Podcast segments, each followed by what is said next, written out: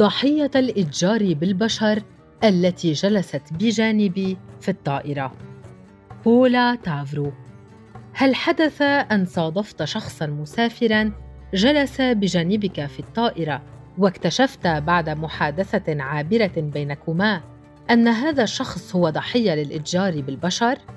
في تشرين الثاني نوفمبر من عام 2017 وبعد إتمام تقييم برنامج إنمائي في شمال نيجيريا كنت في طريق عودتي إلى لوس أنجلوس.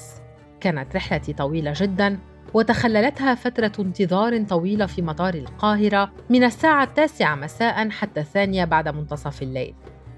أثناء رحلتي من أبوجا إلى القاهرة جلست بجانبي في الطائرة فتاة نيجيرية صغيرة الحجم. كانت ترتدي ثوبا أسود منقطا وحجابا على رأسها. علمت بعد حين أنها في الرابعة والعشرين من العمر بالرغم من أن تصرفاتها الخجولة جعلتني أجزم أنها فتاة في عمر المراهقة. عندما لاحظت بأنها تواجه صعوبة في استخدام الطاولة الصغيرة أمامها أيقنت بأنها تسافر بالطائرة للمرة الأولى في حياتها. عندما اقتربنا من نهاية الرحلة سألتها إذا كانت تعتزم زيارة أقارب لها في القاهرة. ابتسمت بارتباك وقالت لا أنا في طريقي إلى المملكة العربية السعودية. عدت فسألتها مرة أخرى إذا كان لها أقارب في السعودية فهزت رأسها بالنفي. إنها ذاهبة للعمل. كان أحد أصدقاء طفولتها قد أرسل إليها رسالة على تطبيق واتسآب بخصوص فرصة عمل في المملكة. وقد اغتنمت الفرصة على الرغم من أنها كانت دائما تحلم بأن تصبح مصممة أزياء. أخرجت هاتفها المحمول لتريني صورا لنساء بأثواب زاهية الألوان وقالت بفخر أنا صنعتها ألا تعرفين أحدا في السعودية؟ سألتها بإلحاح هزت رأسها بالنفي والحقيقة أنها لا تتكلم العربية إطلاقا للتو بدأت باستجوابها ما نوع العمل الذي ستقومين به هناك؟ وما المدة؟ وهل لديك عقد عمل؟ تمتمت قائلة إنها تعتقد أنها ستعمل كمربية أطفال ولكنها ليست متأكدة. ثم أردفت أظن أنني سأبقى هناك سنة واحدة ولكن ليس لديها أي عقد عمل خطي أو رسمي. هل لديك تذكرة ذهاب وعودة؟ سألتها مستفسرة. نظرت إلي بحيرة. لم تكن تعلم ماذا عنيت. بحثت في حقيبة يدها وأخرجت ورقة واحدة كانت منسوخة بإهمال. تذكرة ذهاب فقط إلى الرياض. من سيستقبلك في مطار الرياض؟ سألتها بإلحاح. كانت أيضا غير متأكدة. كل ما تعرفه هو أنها ستجد أحدا في المطار يحمل لافتة مكتوب عليها اسمها. بدت القصة مألوفة لي بشكل مخيف. قبل عدة سنوات وبسبب مشروع بحثي كنت قد أجريت مجموعة مقابلات مع نساء كنا في السابق ضحايا للإتجار بالبشر في الولايات المتحدة الأمريكية. جميعهن قلنا إنهن تلقين رسائل من صديقات قدامى لم يروهن منذ سنوات عديدة وكنا يعرضن عليهن فرصا للعمل خارج البلاد. إنها فرصة للسفر واكتساب الخبرة وجني بعض المال. إحداهن قالت إنها شعرت بأنها قد ربحت لنصيب عندما حصلت على فرصة عمل كهذه. الطائرة حطت في القاهرة الآن. سألت الفتاة باستعجال: هل سمعت يوما بالإتجار بالبشر؟ هزت رأسها بالنفي وبدأت تشعر بالهلع. التفتت إلى الوراء وبدأت تتكلم بسرعة مع فتاة أخرى كانت أصغر منها حجما وترتدي ملابس بيضاء اللون. علمت بعدها أنها في الثانية والعشرين من العمر طلبت أن أرى تذكرة سفرها لأفاجأ بأن التذكرتين متطابقتان ومطبوعتان بالطريقة عينها. رحلتهما ستغادر القاهرة في منتصف الليل، وهذا يعني أنهما ستصلان إلى الرياض حوالي الثالثة صباحاً. بدأت أفكر منزعجة في أنه الوقت المناسب للوصول إلى هذا النوع من الرحلات. عندما حان الوقت للخروج من الطائرة، طلبت من الفتاتين البقاء بقربي دعوني أتحدث مع السلطات المصرية في المطار لعلهم يتصلون بالأنتربول دخلنا إلى مركز الشرطة التابع لأمن المطار وبدأت بشرح الوضع لأحد العناصر الذي قاطعني سائلا هل هذه عملية اختطاف؟ كلا أكدت له ولكنها غالبا إتجار بالبشر سألني ماذا يعني الإتجار بالبشر؟ لم أستطع التأكد إذا كان فعلا لا يعرف ماذا أعني بهذا المصطلح أو أنه كان يسخر منا فقط توسلت إليه لأتحدث مع أحد مسؤوليه في هذه الأثناء بدا على الفتاتين ذعر كانتا تتحدثان إلى بعضهما. التفتت إلي الفتاة التي كانت جالسة بجانبي في الطائرة وقالت الفتاة الأخرى تلومني لأنني تحدثت إليك.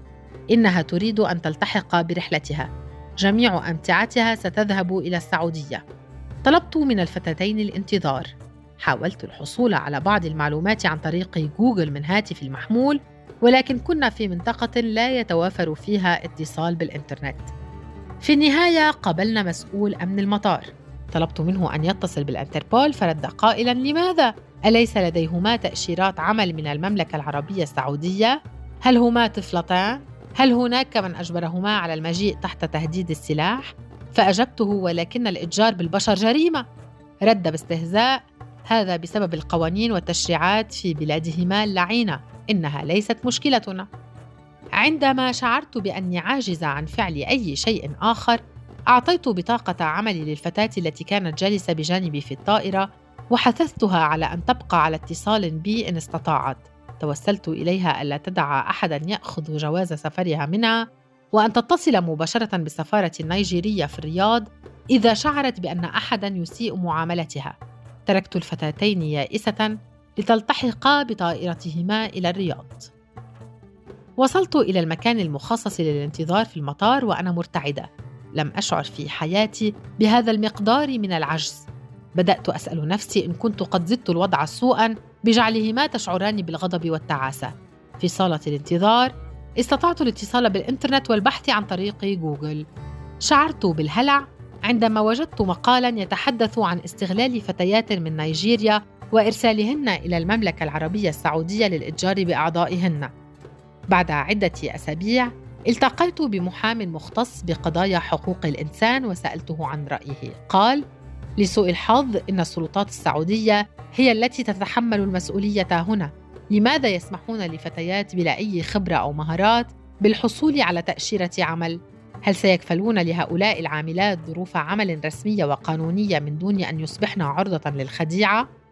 أشار المحامي أيضا إلى أن هؤلاء المتاجرين يعرفون كيفية إخفاء أثرهم بشكل جيد فالفتيات لسن قاصرات ولديهن تأشيرات عمل رسمية ولم يكن يرافقهن أحد لم يكن يعرفن حتى اسم أي عميل في المملكة.